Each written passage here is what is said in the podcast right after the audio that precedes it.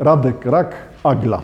Nie wiem jak Państwa skojarzenia, ale moje skojarzenia z, z tą książką były takie, czemu to wygląda jak Harry Potter. Tak nie za bardzo wiedziałem skąd te skojarzenia, bo tu nie ma żadnego kolorowego obrazka na tym. No ale tak jest. A poza tym jeszcze jak zobaczyłem trochę tych wyklejek takich, ale jeszcze zwróciłem uwagę na to, jak wyglądają grafie poszczególnych e, rozdziałów. To może tego nie widać, ale czcionka użyta tutaj do opisów jest czcionką, która no nie jest taka sama, ale jakby nawiązuje do tego Pottera. Nagle zaczyna to wyglądać tak, jakby zbanalizuję tą książkę, e, napisać Pottera, ale z dziewczyną w roli głównej. Może to jest wystarczający powód, żeby się tym zająć. No ale tak naprawdę to od, od pierwszej strony ja przynajmniej miałem dużo zabawy z tą książką, chociaż trzeba przyznać, że od pierwszej strony nie wiedziałem, dla kogo jest ta książka. Do tytułu jeszcze sięgniemy. Od razu też zaznaczam, że jest to pierwsza część zamierzonego cyklu, także fabularnych rozwiązań tutaj nie ma. Powiedzmy, że tytuł nic nie mówi. Powiedzmy, że podtytuł, czyli Agla Alef, sugerowałby, że będzie jakiś Beth, czyli jest część A, część B. No dobrze, no to dalej jeszcze jest tak sobie. Ani się bać, ani nie bać. To książka na razie enigmatyczna. Motto. Zaczyna się trochę dziwnie, no bo motto jednak zakłada już pewne obycie czytelnika.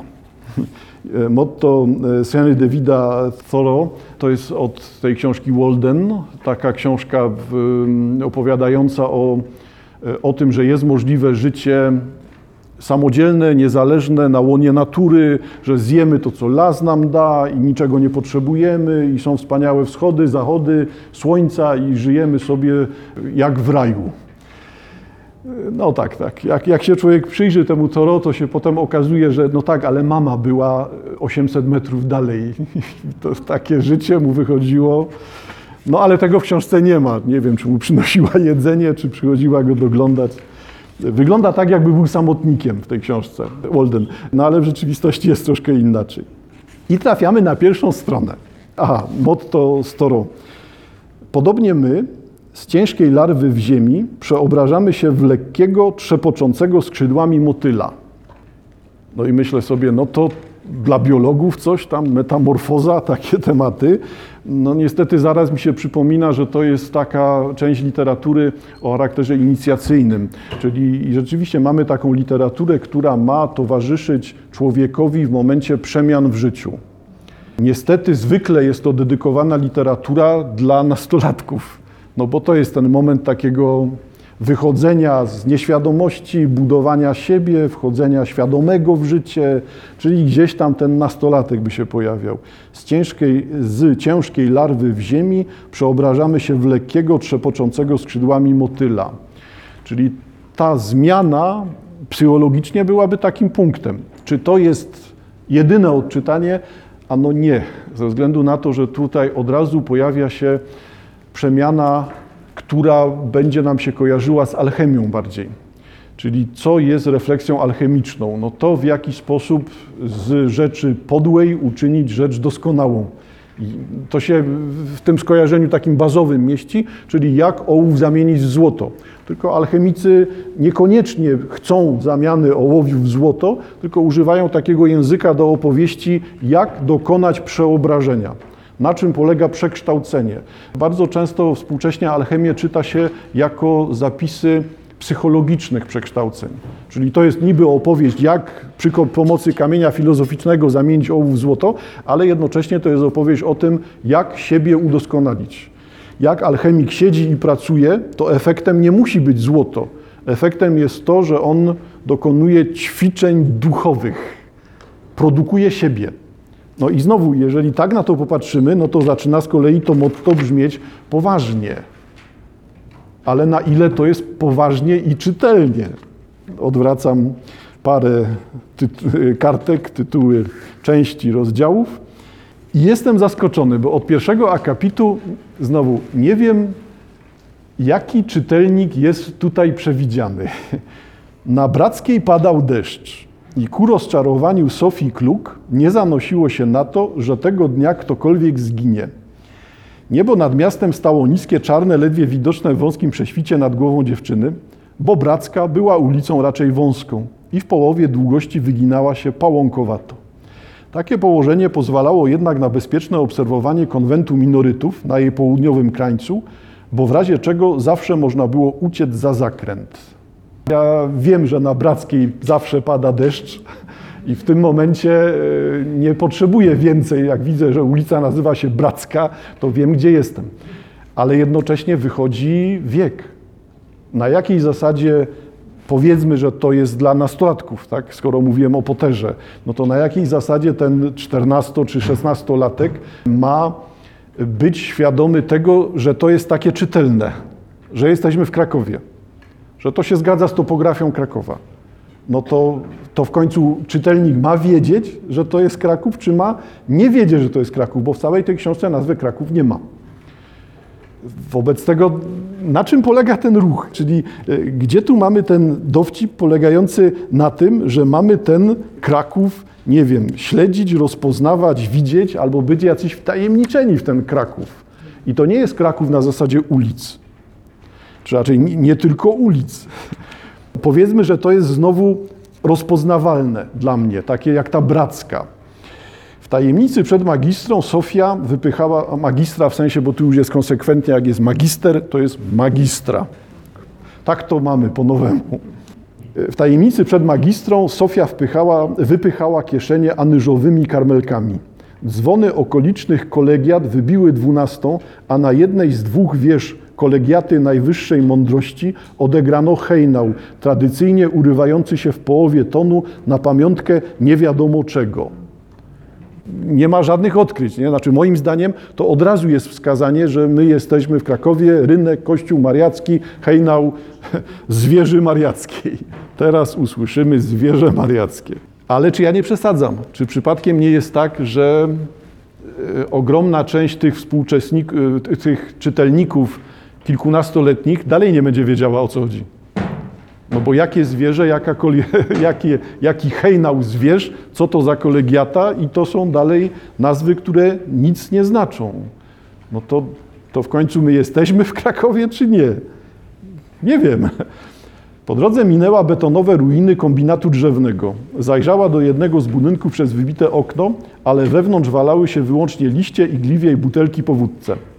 Kombinaty, relikt czerwonej rewolucji, zostały podzielone i sprywatyzowane w późnej fazie rekonstrukcji i prawie wszystkie podupadły. Obecnie poręby zarastały, a las ponownie brał góry we władanie. Jeszcze głębiej w zarośniętym brzozami wąwozie Sofia odkryła niewielką kapliczkę maryjną.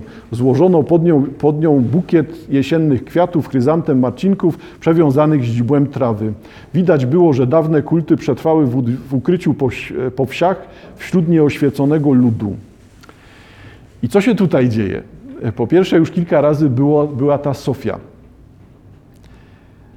Ilu czytelników będzie kojarzyło, że tutaj chodzi o postać, ale postać o znaczącym imieniu, czyli że musimy tą Sofię sobie na tą mądrość przekształcić, na tą mądrość oświeconą, wewnętrzną, duchową, boską, bo to są te wymiary imia, imienia Sofia, Zofia. No i teraz musimy jakby widzieć to, że tutaj nie dotyczy sprawa samej dziewczyny o imieniu Sofia, tylko dotyczy to czegoś, co się rozgrywa na płaszczyźnie religijnej, filozoficznej. Zauważcie Państwo, jaka uwaga kończyła ten akapit. Widać było, że dawne kulty przetrwały w ukryciu po wsiach wśród nieoświeconego ludu. To to wyłapie, że, wracam wyżej, że bukiet kwiatów przewiązanych źdźbłem trawy jest ofiarą składaną na przebłaganie bóstwa loko, lokalnego, bóstwa okolicy. Dlaczego to jest takie czytelne? Między innymi ze względu na to przewiązanie źdźbłem trawy, bo to, że to jest to zawiązane, no to jest właśnie to zawiązywać, rozwiązywać, chronić, ochraniać, blokować, budować barierę, składać ofiarę w celu ochrony. No to to jest widoczny gest magiczny. Magiczny, czyli ten wcześniejszy, o wiele wcześniejszy, ten z czasów prasłowiańskich niech będzie konsekwentnie. Ale znowu, no to w końcu chodzi o to, żeby maskować czy nie. Zwróciłem uwagę na ten fragment ze względu na to, że tutaj przecież mieliśmy skrót sytuacji, przełom lata 80., 90. Była czerwona rewolucja, była zmiana świata, nastąpiła prywatyzacja, w wyniku której zakłady podupadły. No to mamy streszczenie przełomu wokół 89 roku. Czy to jest w ogóle zrozumiałe? Współcześnie młodzi ludzie nie odróżniają pierwszej wojny od drugiej, ale nie odróżniają drugiej od stanu wojennego. Po prostu. Przecież to jest to samo słowo. Oni tego nie widzą, nie, nie rozróżniają, nie widzą. Na dodatek jeszcze z punktu widzenia młodego człowieka, który potrafi o fotografiach z ulic, ze stanu wojennego mówić, żołnierze dbają o porządek na ulicach. Nie, że są tacy naiwni ci młodzi czytelnicy, tylko mówią to szczerze, że oni tak to odbierają. Nie? To ja nie wiem. Znaczy, znaczy ja wiem, tak, że to nie jest mój świat już, to ja już wiem, tak. No ale, ale dalej mnie to, mnie to dziwi, bo w tym momencie y, jakiego kodu, jakiego języka używać, żeby to było. I nagle zaczyna do mnie docierać, że to nie jest książka dla młodych ludzi, tylko ewidentnie to jest jakiś rodzaj zabawy, ale zabawy dla dorosłych. Bo te dowcipy, żeby to zrozumieć, te, ten maskowany Kraków, te dowcipy takie magiczne, czy też grę tym imieniem e, Sofia, Zofia, no to tego nikt nie zrobi z tych młodych. To, to jest ewidentnie coś, co jest nie wiem czym właśnie, wersją literatury magiczno-czarodziejskiej, ale w wersji dla dorosłego czytelnika, gdyby nie to, że to jest rzeczywiście opowieść o nastolatce. O nastolatce i jej problemach w szkole i w życiu każdych problemach. I fizjologicznych, fizycznych, związanych z kobiecością, i problemach z nauczycielami, i problemach z utrzymaniem, i z ojcem, który wyjechał od znaku życia nie daje. No to to jest jakby zupełnie prosta opowieść i wyglądałoby na to, że tą grupą są młodzi ludzie. No a książka jest tak zakręcona i to naprawdę jestem tylko na początku. Tu jest taki stopień zakręcenia tej książki, że, że o co chodziło autorowi? Czy to jest pisane dla wąskiego grona ekspertów?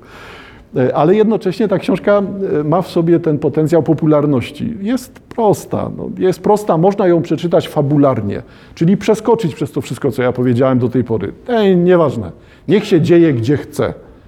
Liczy się fabuła. No ale znowu, no ale w tej fabule te, te skojarzenia z Krakowem są ważne. Y, ostatni przykład z Krakowa. Na dolne młyny było nie za daleko i nie za blisko. Pusty kosz nic nie ważył i dziewczęta poszły okrężną drogą przez planty, czyli zadrzewiony pas otaczający stare miasto. A ja teraz nie rozumiem znowu, dlaczego trzeba było tłumaczyć, co to są planty. No to, mm, no to jednak tłumaczy. Tłumaczy tym, którzy nie wiedzą. No, no to po co on maskuje, skoro skoro tłumaczy, nie wiem. Zadrzewiony pas otaczający Stare Miasto. Jawory i topole posadzono w miejsce wyburzonych murów obronnych, albowiem miastu chronionemu przez czarne skrzydła cara nie potrzeba żadnych murów. I tu się pojawia już inny wątek, ten, ten car i czarne skrzydła są tą opowieścią magiczno-czarodziejską, która jest tutaj główną fabułą. Ale my na razie jesteśmy w Krakowie, to w takim razie Rzeczywiście no, planty powstały w XIX wieku po wyburzeniu starych murów obronnych i na tym pasie niezabudowanym zrobiono park miejski. Skoro wiemy, to po co pisać? A jak pisać, no to w takim razie jednak tłumaczy czytelnikowi. No, nie, ja jestem daleki zwykle od uwag takich typowych dla krytyka literackiego, ale wygląda na to, że e, Rak chciał tutaj zbudować powieść, która będzie dla wszystkich. I dla młodych, i dla tych zaawansowanych, dla początkujących czytelników i dla jakichś doświadczonych czytelników. Czy to się mu udało? Na razie udało mu się o tyle, że ja mówię, dobra, przeczytam drugą część. Jeszcze nie jestem na etapie, do tego już nie sięgam. Ale jednocześnie to, co mówię, może być y, i słabością, i nie. No bo, bo naprawdę y, zaczyna się to w dziwny sposób nam splatać. To gdzie lądujemy? No, wracam na początek, bo wybrałem fragmenty z różnych miejsc o tym Krakowie. Wracam na początek. Jesteśmy w czymś, co ma być chyba Uniwersytetem Jagiellońskim, tylko tutaj nie jest to już uniwersytetem, ze względu na to, że głównym pomysłem tym chyba trochę utrudniającym życie, przynajmniej temu młodemu e, odbiorcy, będzie to, że rak wykorzystał tutaj przejście, przejście, przekształcenie pewnego sposobu wyjaśniania tego, czym jest wiedza. Tak? Czyli uniwersytet jest miejscem, nasz uniwersytet jest miejscem zbudowania, e, budowania siebie poprzez pracę nad sobą, poprzez zdobywanie wiedzy, wiedzy o charakterze racjonalnym, poprzez doskonalenie umysłu, czyli której efektem ma być doskonalenie umysłu. Czyli raczej nie liczy się to, co studiujesz, liczy się to, ile pracowałeś nad sobą w czasie tych studiów. No to jest ten wymiar uniwersytecki. Ciekawe, co na to rektor chociażby Śląskiego, ale tam nie powinien być obrażony na to, co mówię. No to jest nasz wymiar. A tymczasem u raka wiedza racjonalna, empiryczna, naukowa, no to co on robi? Wyrzuca cały ten pomysł uniwersytecki i zastępuje go pomysłem, który jest gnozą. Co zrobić z fragmentem takim, że mamy ujawnianie się tego? Sofia rozmawia z jednym z profesorów. Sofia uśmiechnęła się mimowolnie, profesor Wylk, to od razu widać, że jest z południa od nas, bo on jest z Żyliny po Bożemu, czyli profesor Wylk z Żyliny. Samą swoją postacią budził strach. Sążeń wzrostu, półsążnia w barach, broda z buja, od jego głosu drżały szyby, smok nie człowiek, taki był. A odkąd został dziekanem Wydziału Gnozy Naturalnej, zdawało się, że urósł jeszcze bardziej, tak w nim napuchła duma, o babach z dziekanatu już nie wspominając, no bo jest rzeczą powszechnie znaną, że każdym wydziałem rządzą baby z dziekanatu. W dzieciństwie Sofia często robiła im kawały, za które musiał przepraszać jej ojciec, pracownik uniwersytecki, który właśnie zniknął i tak dalej. Czyli z jednej strony mamy nagle ujawnienie tego, że niby uniwersytet, ale całkiem inny. Uniwersytet, którego wiedza nie jest wiedzą racjonalną, empiryczną, tylko jest wiedzą, czy od tego ucieknę, no na razie zostawię, wiedzą związaną z gnozą. To jest też wiedza, tylko bazująca na całkiem innym pomyśle. Ta praca nad sobą odbywa się za pomocą innych narzędzi. Za chwilkę jeszcze sięgniemy. No i mamy ten uwagę, tą, tą uwagę o gnozie. Trzeba jakoś się w tym znaleźć, wiedzieć, co to za e, gnoza naturalna. E, to jest pomysł, który polega na tym, że to jest Wydział Nauk o Ziemi, naturze, czyli cała ta nasza biologiczna, biologia i pokrewne. E, no ale zamiast wiedzy empirycznej wprowadza nas tutaj gnoza. No ale następne zdania dotyczą tego, że każdą uczelnią rządzą baby z dziekanatu. Rzeczywiście, no jak ktoś z Państwa przerobił, no to tak było. No, trzeba było iść po indeks, oddać, poprosić, postać w kolejce, albo miała humor, nie miała humoru, był wpis, albo nie było, bo nie dała tego indeksu komuś. Wszystko trzeba było załatwiać na zasadzie mm, na klęczkach, prosić o łaskę. No bo panie zawsze były dumne, że to one w końcu rządzą tym uniwersytetem. No dobrze. No, z drugiej strony, o co mieć pretensje? No, w każdym urzędzie tak jest, także to nie o pretensje chodzi, tylko o zbicie tutaj tych dwóch ujęć, że to w końcu jesteśmy w dziwacznym miejscu, fantastycznym miejscu, ale jednocześnie to miejsce jest całkowicie realistyczne. Uniwersytet może być czarodziejski, upraszczam teraz, bo to nie jest to samo co gnoza, e, ale baby i tak w nim rządzą. Czy też panie z dziekanatu, jak wolimy. Wszędzie będzie coś takiego się pojawiało w języku wypowiedzi, czyli tam, gdzie oni będą mówili o tej swojej wiedzy, tej gnostyckiej wiedzy, będziemy mieli trudność. No bo jak się w tym połapać?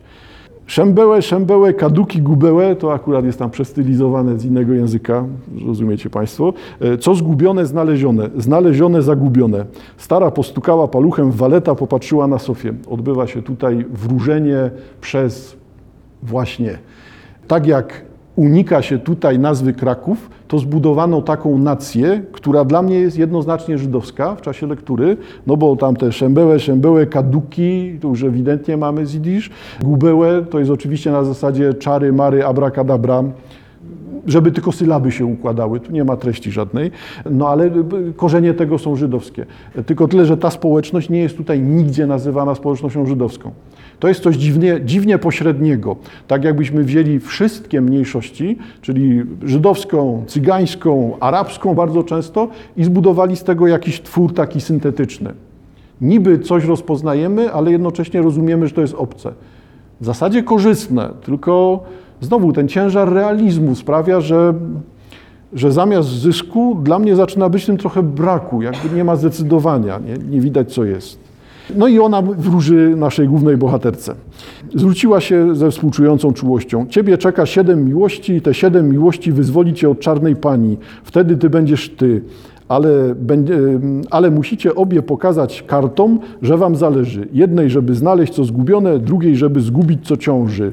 Sofia sięgnęła więc bezwiednie po kolejne kopiejki, ale Fatmie, Fatmie chmura wystąpiła na czoło tej wróżącej. Trefne trefle, trefny pieniądz. Ile dasz, tyle masz. Ile warte co zgubione, tyle warte znalezione. Daj większe pieniążek, bo wiem, że trzymasz. Jakby z samego tego kontekstu bardziej słyszymy cygański taki, taki element, powiedzmy. No więc ona rezygnuje z tych kopiejek i daje e, złote suwereny, żeby usłyszeć wróżbę. Będzie to wpływało na fabułę później. No to gdzie jesteśmy? No znowu jesteśmy w tym dziwnym miejscu, w którym to wszystko zaczyna nam się i upraszczać i komplikować, bo nie wiem, jak się do tego odnieść. Czy to są stylizacje takie, które pomagają, czy takie, które utrudniają? Jakby próbuje rak wzbogacić tekst, próbuje pokazać więcej zależności. Tylko te zależności są dla mnie czasem zabawne i jednocześnie ja stale mam w głowie to, no dobra, ale kto to będzie widział? Powiedzmy, że przykład tego typu. Powinien być rozpoznawalny przez bytomian, zaraz, zaraz się wyjaśni o co chodzi do czego pije teraz. Rozmowa postaci, rozmowa jest o świętach między innymi, wobec tego zbliża się Tiferet Bel Nefilim i tu wyraźnie znowu słychać jidysz. Tiferet Bel Nefilim, czas wielkiego sezonu. Rabini, znów to, ten ukłon taki, że to pewnie Żydzi, nie, tylko nie nazwani, Rabini siedzą w domach modlitwy i przez kilka dni nie wychodzą. Usługują im jomskie chłopaki, bo w tym czasie rabini nie mogą zobaczyć kobiety. I te, to jomowie to jest ta dziwna rzecz, jakby Romów połączyć z jude, judaizmem, wyznawcami judaizmu, czyli z tym, co my spolszczamy z kolei jako Żydzi. Natomiast to, to jud będzie tutaj takim bardzo wyrazistym w wielu językach powtarzanym elementem. No to mamy tych jomów jako nazwę tego syntetycznego otworu. Ale nie na to zwracam uwagę. Dalej. Był to jeden ze, zwyczajnych, ze zwyczajów jomów, o których Sofia słyszała i które wydawały jej się przeważnie śmieszne i odrobinę niesamowite, ponieważ jomowie używali kalendarza księżycowego o 13 miesiącach, co 6 lat musieli dołożyć dodatkowy tydzień, aby rachuba się zgadzała. Ten nadwymiarowy czas nazywany wielkim sezonem, był największym jomskim świętem, ale przygotowania do niego wymagały od rabinów wielu dni tajemniczych rytuałów, wśród których nie najmniej dziwnym było noszenie przez cały miesiąc zielonej poduszki z frędzlami. Końcówka jest oczywiście żartem o tej poduszce z frędzlami, ale wracamy do wcześniejszej rzeczy, czyli czas wielkiego sezonu, 13 miesiąc i układ zdań, który tutaj jest, jest parafrazą. Ja bym się kusił nawet o to, że cytatem, tylko lekko przekształconym, więc ja rzeczywiście zmierzam w stronę tego, że parafrazą. Parafrazą opowiadań Brunona Schulza. Za chwilkę w innym fragmencie pojawi się e, kontekst ulicy Krokodyli, że tu jest ulica Krokodyli. No i teraz ten Schulz, ulica Krokodyli, nie wiem, czy Państwo zwróciliście uwagę na tą próbę porozumienia bytomsko-drochobyczewskiego, która nastąpiła, czyli mamy skwer krokodyli, to chyba tak się nazywa Bytomiu, koło gazowni. Troszkę malowidło, troszkę mozaika na ścianie, e, pokazująca taką sylwetkę Żyda na tle symbolicznego, czy tam zarysu pejzażu miasta. A obok na tych schodach też to tak nie, uroczo mnie to ujęło, tak w sensie trochę ironizuje, trochę nie. Na szczycie schodów jest kostka wyjęta z ulicy Drohobyczu, gdzie Schulz pisał te opowiadania, z ulicy Krokodyli właśnie. No bo taka rozpoznawalna ulica handlowa.